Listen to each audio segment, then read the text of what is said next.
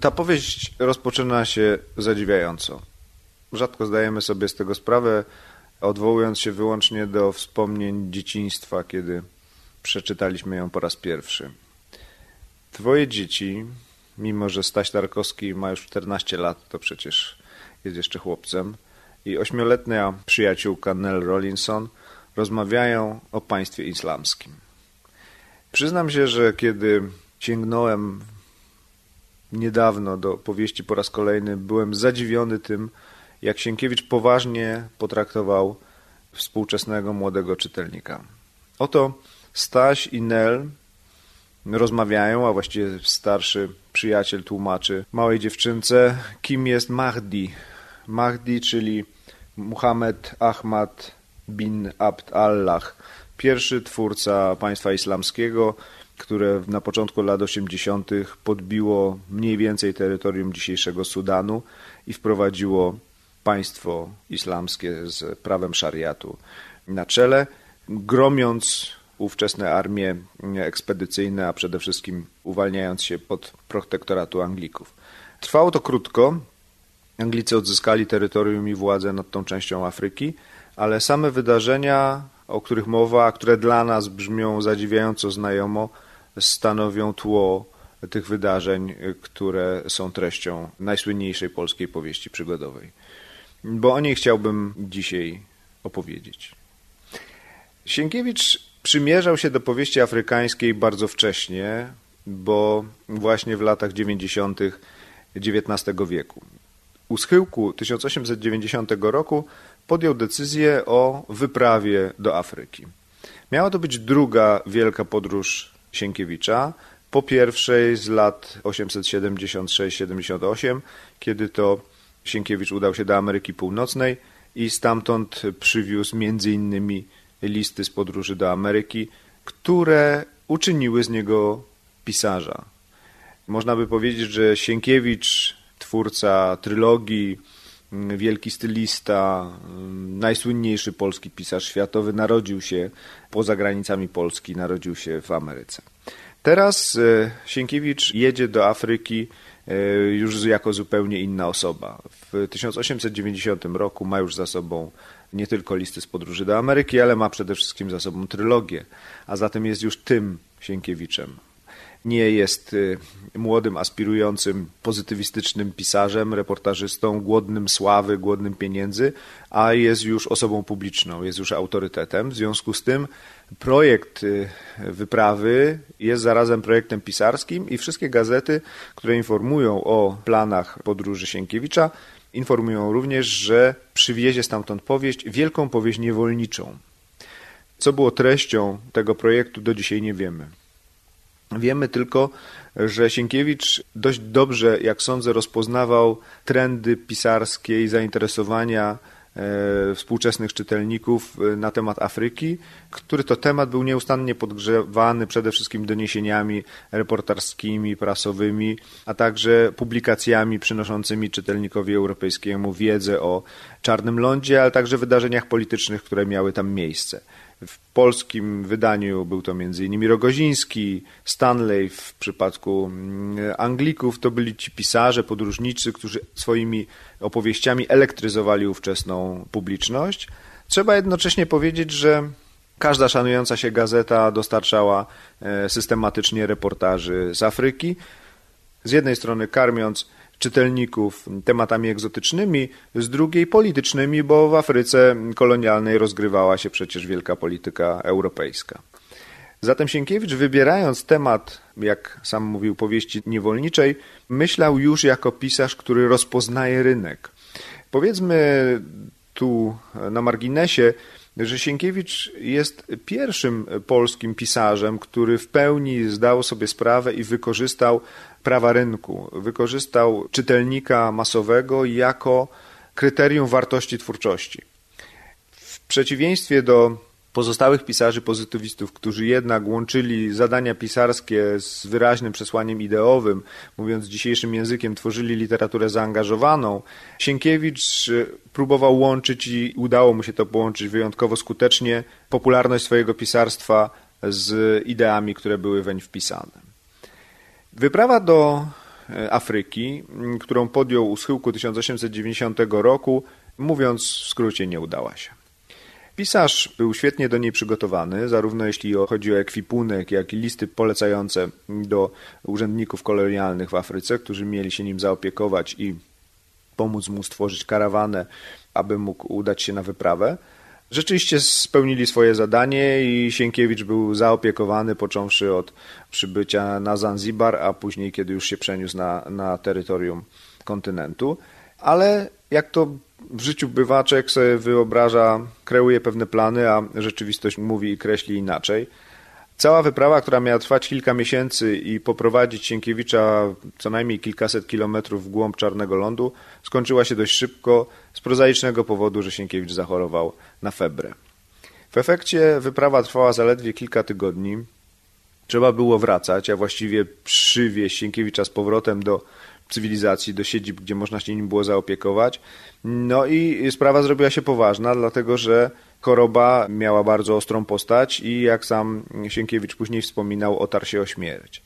Co z tego mamy w literaturze? Mamy przede wszystkim dwie rzeczy, o drugiej będę mówił przede wszystkim, natomiast e, mamy listy z podróży do Afryki. Listy podróży do Afryki, które swoją jakością, swoim rozmachem, swoim poziomem artystycznym niestety nie dorównują listom z podróży do Ameryki. Z tego względu, że nie ma tam zasadniczej treści, którą Sienkiewicz obiecywał pośrednio swoim odbiorcom, to znaczy przeżyć myśliwego i informacji etnograficznych, pejzażowych, wiedzy o mieszkańcach, z którymi miał się w trakcie swojej podróży spotykać. Tego wszystkiego nie ma. Sienkiewicz nawet dokonuje specyficznych manipulacji, mianowicie unika dat e, w listach, po to, aby czytelnicy nie zorientowali się, że wielka wyprawa trwała w gruncie rzeczy zawstydzająco krótko. Natomiast y, z pewnością te przykre doświadczenia, które miał Sienkiewicz jako pacjent i rekonwalescent, one odbiły się na fantastycznie napisanych scenach choroby Nel i można z dużym prawdopodobieństwem przypuszczać, że to, co przydarza się Nel, jej stany gorączkowe, jej wizje, jej gorączkowe paroksyzmy były udziałem samego, samego Sienkiewicza. Niemniej z wielkiej powieści niewolniczej nic nie wyszło. Dostaliśmy tom listów, które dają nam bardzo interesujący portret Sienkiewicza myślącego o Afryce kolonialnej i to jest niebagatelna waga tego dokumentu. Można zobaczyć, jak Sienkiewicz, co Sienkiewicz myśli o tubylcach afrykańskich, co myśli o, Arabach, w jaki sposób y, postrzega rolę przedstawicieli państw kolonialnych w Afryce, jak sam się czuje jako mm, przedstawiciel narodu skolonizowanego, na inny sposób oczywiście niż, niż tubylcze plemiona Afryki, ale przecież także należąc do narodu podbitego, można by rzec, będziemy jeszcze o tym mówić.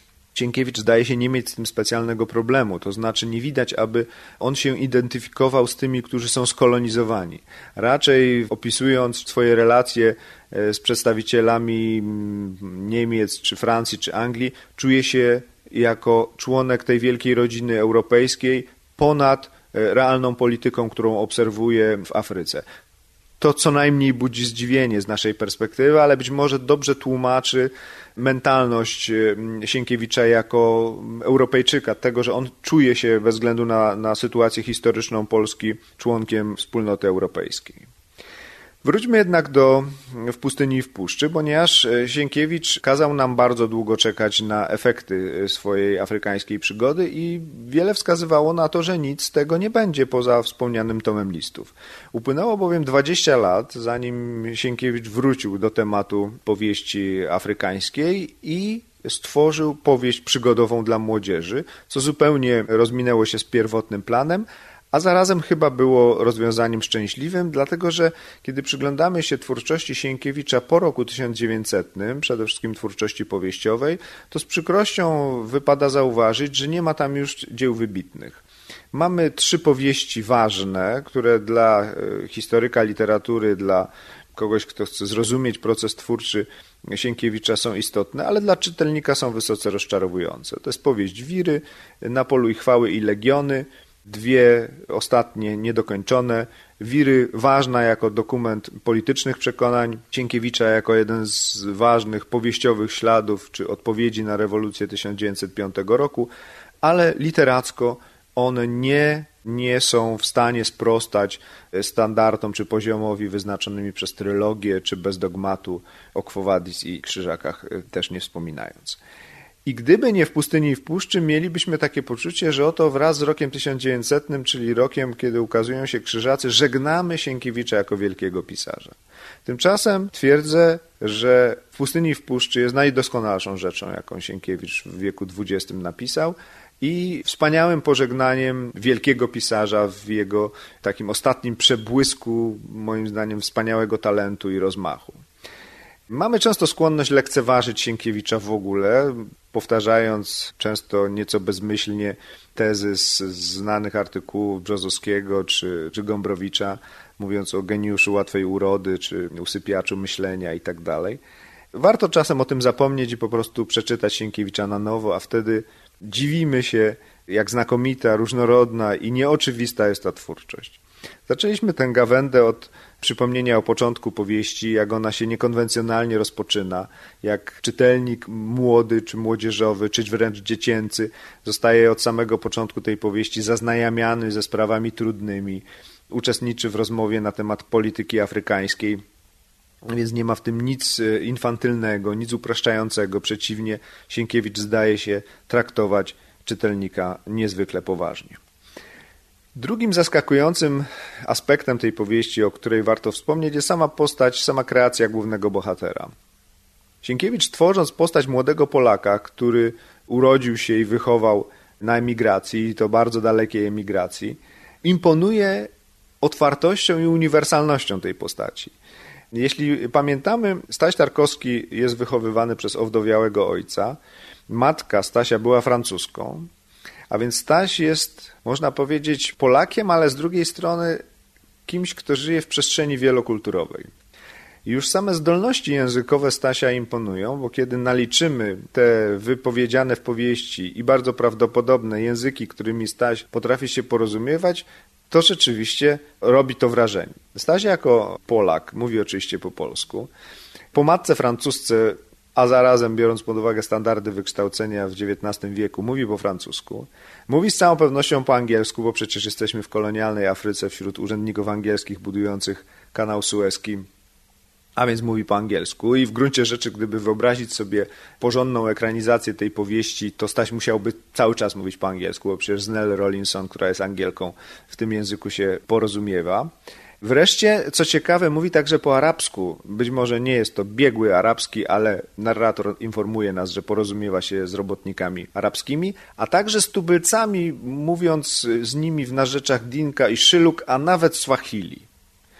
Wygląda na to, że Staś potrafi porozumiewać się w siedmiu językach, co czyni z niego postać bardzo różną od tych, do których przyzwyczaił nas Sienkiewicz jako autor trylogii. Nie mamy kogoś uwięzionego w własnym świecie etnicznym, kogoś, kto, kto patrzy na świat wyłącznie z perspektywy własnej kultury. Przeciwnie, mamy postać niesłychanie nowoczesną. Kogoś, kto świetnie czuje się zarówno w, można powiedzieć, tym establishmencie kolonialnym, do którego należy jego ojciec i, i pan Rollinson, którzy są owymi inżynierami, przyjaciółmi, ale także jest otwarty, odważny, pozbawiony uprzedzeń w relacjach z, z innymi mieszkańcami tego świata. To czyni z tej postaci figurę niesłychanie uniwersalną. Uniwersalną z naszego punktu widzenia, także dla których dzisiaj życie w wielokulturowym świecie jest jest z jednej strony oczywistością i praktyką, ale także coraz większym wyzwaniem. I teraz jeśli y, myślimy o literaturze, w tym o literaturze sienkiewiczowskiej, jako naszym medium rozumienia świata, porozumiewania się ze światem, to czytanie Sienkiewicza wcale nie wpycha nas w jakąś przeszłość, czy, czy w kostium Polski z przeszłości, a już tym bardziej nie w jakiś kostium sarmacki, tylko przeciwnie, podsuwa współczesnemu młodemu czytelnikowi figurę młodego bohatera, z którym zupełnie spokojnie może się zidentyfikować nie tylko w naszych własnych polskich sprawach i, i, interesach, ale także w jego takim światowym otoczeniu, które ta powieść reprezentuje i oferuje. Przygody, które staną się udziałem e, naszych bohaterów, należą już rzeczywiście do konwencji przygodowej.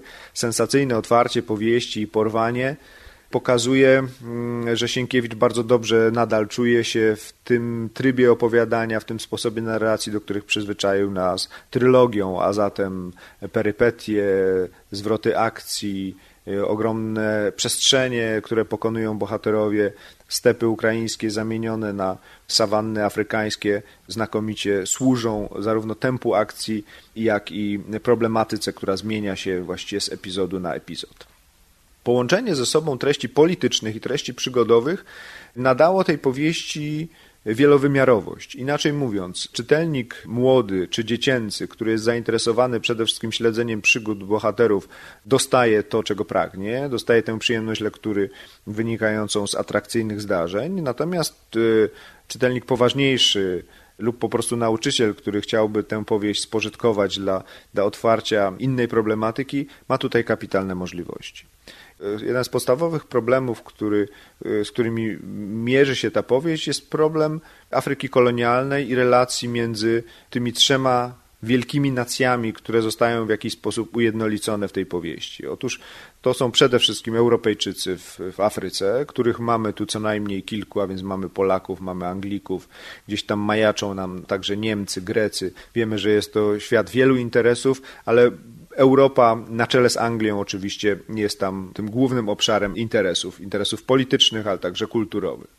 Arabowie, którzy są głównymi antagonistami naszych bohaterów, oni pełnią tam rolę czarnych charakterów w powieści, ale tu też trzeba oddać sprawiedliwość Sienkiewiczowi, że te charaktery są różnicowane.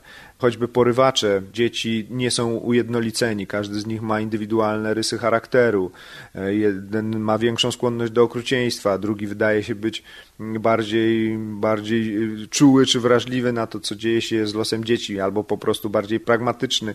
W każdym razie Sienkiewicz troszczy się, aby oni nie zlali się w jakąś taką jednolitą masę, prawda? No i oczywiście tubylcy afrykańscy, przedstawiciele plemion afrykańskich, z którymi dzieci się spotykają, reprezentowani tutaj przede wszystkim przez dwoje niewolników uwolnionych po wydobyciu się z niewoli, po pokonaniu porywaczy, czyli Mea i Kali.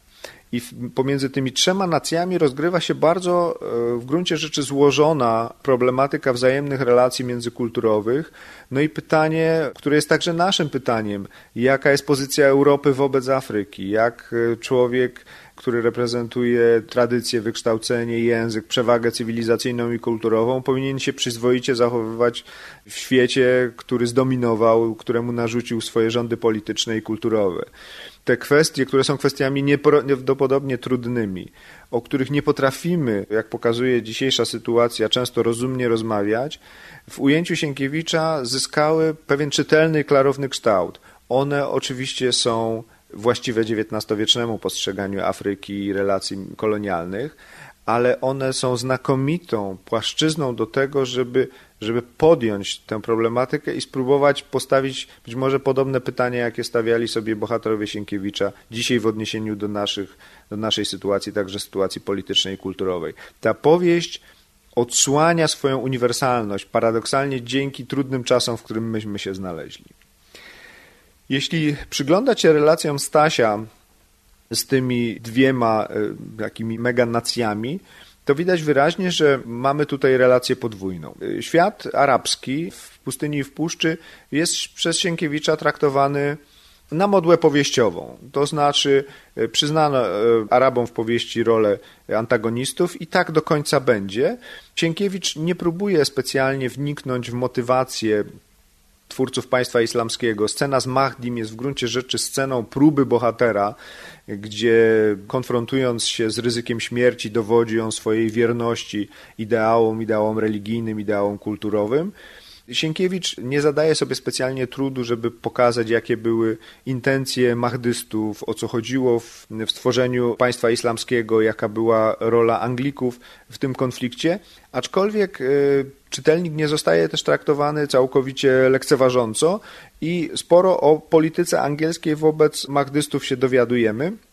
Między innymi w przypisach e, autor informuje nas o korpusie ekspedycyjnym, który dokonuje rzezi magdystów i ostatecznie przywraca hegemonię Anglii na tym terenie, a więc e, Sienkiewicz nie ukrywa, że polityka kolonialna w Afryce jest e, nacechowana okrucieństwem po jednej i po drugiej stronie. Ta symetria przemocy jest tam bardzo wyraźna ale od pewnego momentu, kiedy bohaterowie wyzwalają się już z rąk porywaczy i podejmują tę wielotysięczno-kilometrową podróż nad brzeg oceanu, aby trafić z powrotem w ramiona swoich rodziców, e, wtedy zasadniczą przeszkodą i przeciwnikiem bohaterów staje się przyroda afrykańska. I to jest, można powiedzieć, drugi albo równoległy bohater wobec tych już wymienionych gdzie Sienkiewicz rzeczywiście w oparciu przede wszystkim o, o lektury, o, o wiedzę o, o faunie i florze kontynentu afrykańskiego daje nam całe spektrum, można powiedzieć, klasycznych tematów powieści egzotycznej, a więc jest i sawanna,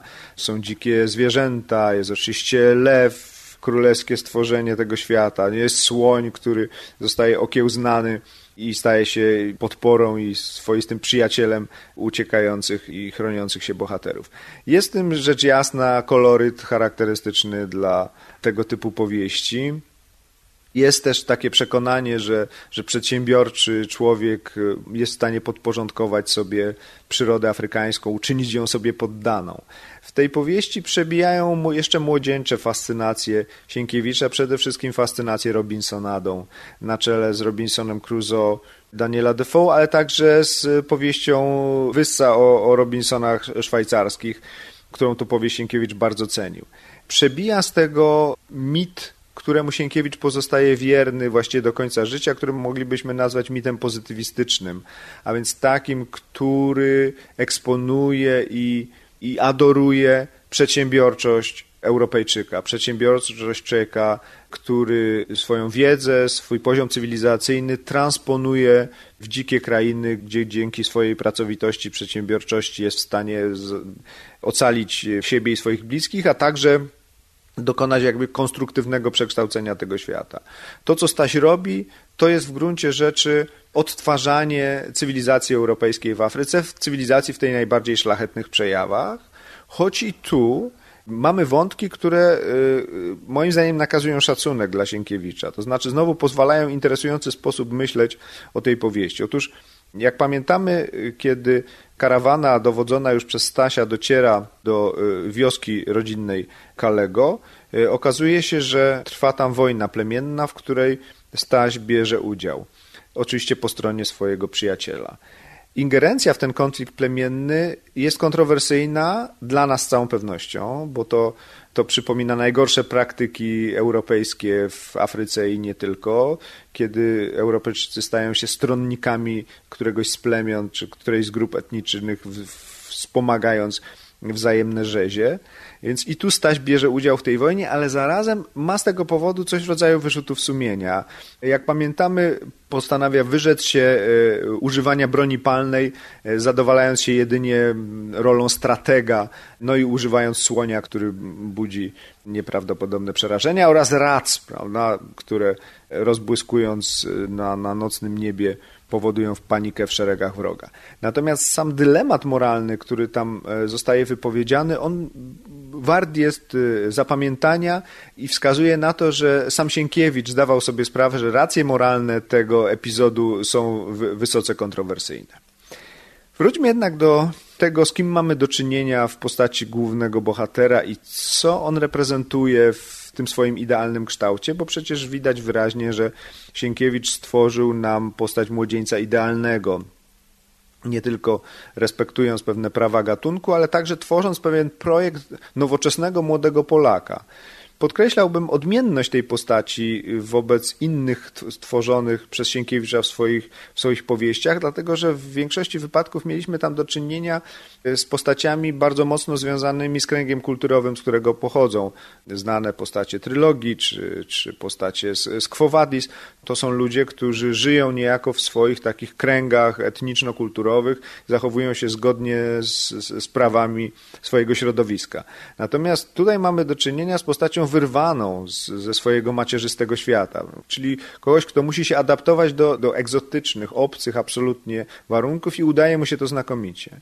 Ten aspekt powieści, jak sądzę, był dość rzadko podnoszony, a on dzisiaj ma dla nas, myślę, szczególnie istotne znaczenie. Sienkiewicz był przekonany, że i to było przekonanie, być może w jakimś sensie fantazmatyczne, nie oparte na rzeczywistości, że Polacy mają tę zdolność adaptacyjną, także w zakresie wspomnianej już zdolności językowej, która podobno przychodzi nam szczególnie łatwo i Staś miał być taką manifestacją. Natomiast co innego zwraca moją uwagę w tej powieści. Otóż to w jaki sposób kształtowane tam są wzorce męskie, czy wzorce męskości. Oto mamy y, cały szereg męskich bohaterów, którzy dla Stasia, 14-letniego Stasia i, i później stanowią potencjalny wzór do naśladowania. Zwróciłbym uwagę na co najmniej pięć postaci, takich ważnych, z którymi nasz bohater się styka i którzy w jakiś sposób modelują, co to znaczy być nowoczesnym młodym mężczyzną. To są oczywiście ojcowie, ojcowie mm, Stasia i Nell, czyli pan Tarkowski i pan Rollinson. To są angielscy mm, oficerowie Glenn i Clary oraz bardzo ważna postać szwajcarskiego podróżnika Lindego, z którym Staś spotyka się na, w takim kluczowym etapie swojej podróży. Otóż co jest charakterystyczne i co znowu pokazuje, jak bardzo ważny był dla Sienkiewicza pozytywistyczny epizod jego, jego życia, jego twórczości, że wszyscy oni, może nie wszyscy, ale zasadnicza większość z nich to są ludzie nauki, to są ludzie wiedzy to nie są typowi bohaterowie przygodówki, których żywiołem jest walka, konflikt, podróż. To nie, to nie są typy obieży światów, bo nawet podróżnik Linde w gruncie rzeczy ma w sobie tę, tę europejską, szwajcarską solidność i precyzję i odpowiedzialność i finał jego losów, bardzo dramatyczny, pokazuje, że Sienkiewicz jest bardzo daleki od apologetyki powieściowej, do której przyzwyczailiby nas choćby Henty, prawda, czy inni mniej już znani powieściopisarze przygodowi XIX wieku. Okazuje się, że owe cnoty europejskie, cnoty mieszczańskie, solidność, wykształcenie, wiedza, odpowiedzialność, te tak naprawdę są aprobowane i wręcz gloryfikowane w powieści. Nie cnoty militarne, nie taka czysta przygoda, nie polowanie dla samego polowania są e, wartościami e, w tej powieści szczególnie eksponowanymi. Przeciwnie, opiekuńczość, pracowitość, e, odpowiedzialność, przedsiębiorczość, pokonywanie przeszkód naturalnych i przeszkód technicznych, cywilizowanie świata wokół siebie, na to Sienkiewicz szczególną wagę kładzie. I jeśli bym y, szukał w tej powieści właśnie przejawów nowoczesności w tym rozumieniu, jako akceptacji czy podziwu dla, dla konstruktywnych cech cywilizacji europejskiej, to y, ta powieść jest jej wielką pochwałą. Zwróćmy uwagę na jeszcze jedną rzecz, mianowicie na przyszłe plany Stasia. Otóż y, dla Stasia i Nel z całą pewnością, a dla Stasia szczególnie, dramatyczna przygoda i decyzje, które musiał podjąć i podjął w trakcie, między innymi zabójstwo. To jest bodaj najbardziej dramatyczny epizod w powieści. One go uformowały jako młodego człowieka i uformowały go najprawdopodobniej jako mężczyznę. Sienkiewicz postawił przed tą postacią problemy i decyzje niesłychanej wagi. I co bardzo ważne, kazał mu zdawać sobie z tego sprawę. To jest też rzecz, o której często zapominamy, wypowiadając jakieś pobieżne sądy na temat tej powieści. Zabójstwo porywaczy, które jest uzasadnione dramaturgicznie, sytuacyjnie, jest wielkim wyrzutem moralnym. Na dodatek jeszcze eksponowanym przez przyjaciółkę Stasia, przez Nel, która jest świadkiem tego zabójstwa i w której wyobraźni, w której pamięci te sceny przecież wracają także podczas choroby, gdzie te gorączkowe majaki sprawiają, że, że zabici powstają jakby na nowo w jej wyobraźni. To pokazuje, że zabijanie mm, w powieści przygodowej, które zwykle nie ma wielkiego ciężaru, bo jest elementem tej atrakcyjnej przemocy, na którą się godzimy i której nieważkość akceptujemy, w tej powieści Sienkiewicz nadał jej jednak ciężar. Zadawanie przemocy, pozbawianie kogoś życia, nawet jeśli, jeśli to jest wróg, ma swój ciężar. Uważam to za kolejny walor tej powieści, którym to Sienkiewicz dowodzi, że, że traktuje młodego czytelnika bardzo poważnie. Co się dzieje później? Takim epizodem formacyjnym, formującym tego młodego człowieka jest z całą pewnością spotkanie z Lindem, a więc podróżnikiem afrykańskim, który ratuje dzieciom życie, bo po pierwsze dostarcza owej, owej legendarnej chininy, która Nel pozwoli przeżyć, a kolejny atak febry, a także mm, uzupełnia zapasy, broń, ładunki itd., tak pozwalając kontynuować podróż. Rozmowy z Lindem w gruncie rzeczy tworzą Stasia świadomego miejsca, w którym się znalazł.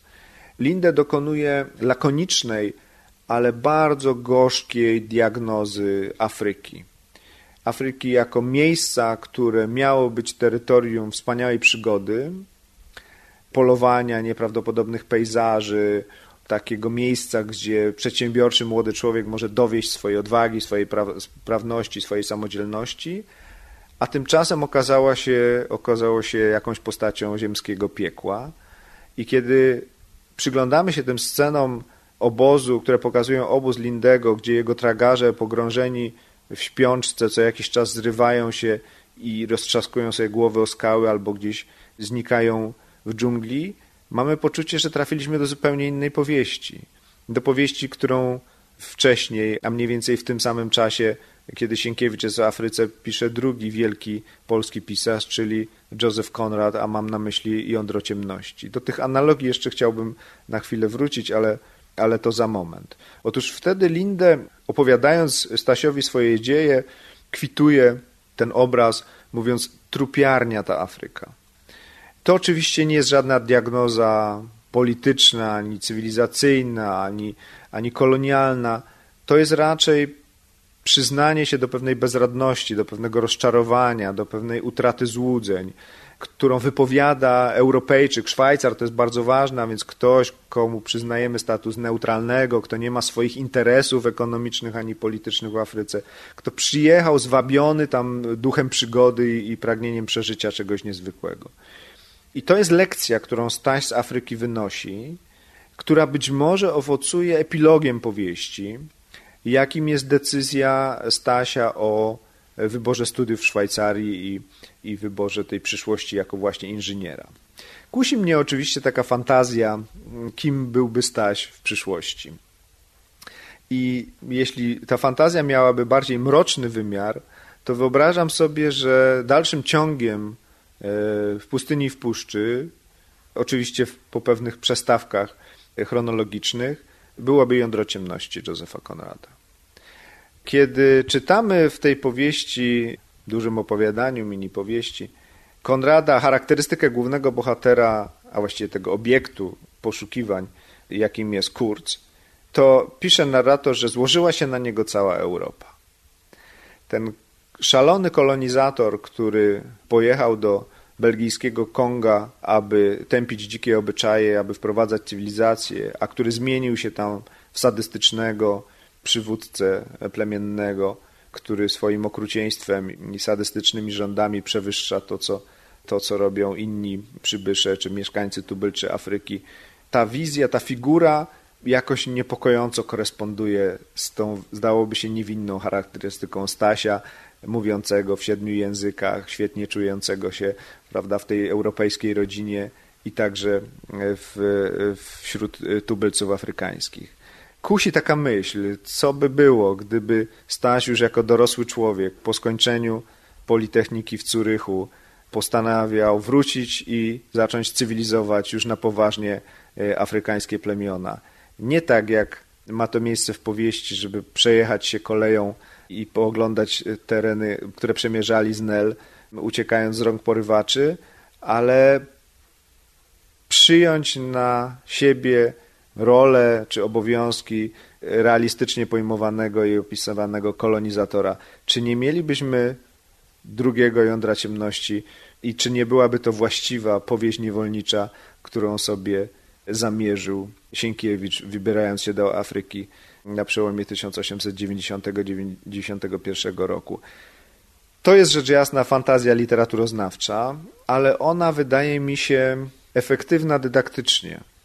Jeśli bowiem nie zadawalamy się tym, aby traktować e, Sienkiewicza powierzchownie, aby sytuować go wyłącznie w obrębie konwencji gatunkowych, które realizował w swojej prozie, ale używać go do tego, do czego literatury należy używać, czyli do myślenia o świecie, do samorozumienia siebie, do samorozumienia własnej kultury i własnej przeszłości, to takie połączenie moim zdaniem może być bardzo instruktywne. A więc spróbujmy zobaczyć e, w jądrze ciemności Konrada dalszy ciąg w pustyni i w puszczy i wyobrazić sobie, że, że to Konrad napisał to, czego Sienkiewicz napisać nie zdołał, mianowicie właściwą powieść niewolniczą z końca XIX wieku, a zatem obie te książki wyszły z rąk najsłynniejszych polskich pisarzy. Nawet jeśli Konrad stał się klasykiem literatury języka angielskiego, no to przecież jego korzenie, jego rodowód, jego, jego etos pisarski jest oparty o, o kulturę i tradycję polską, co czyni go pisarzem bardzo bliskim Sienkiewiczowi.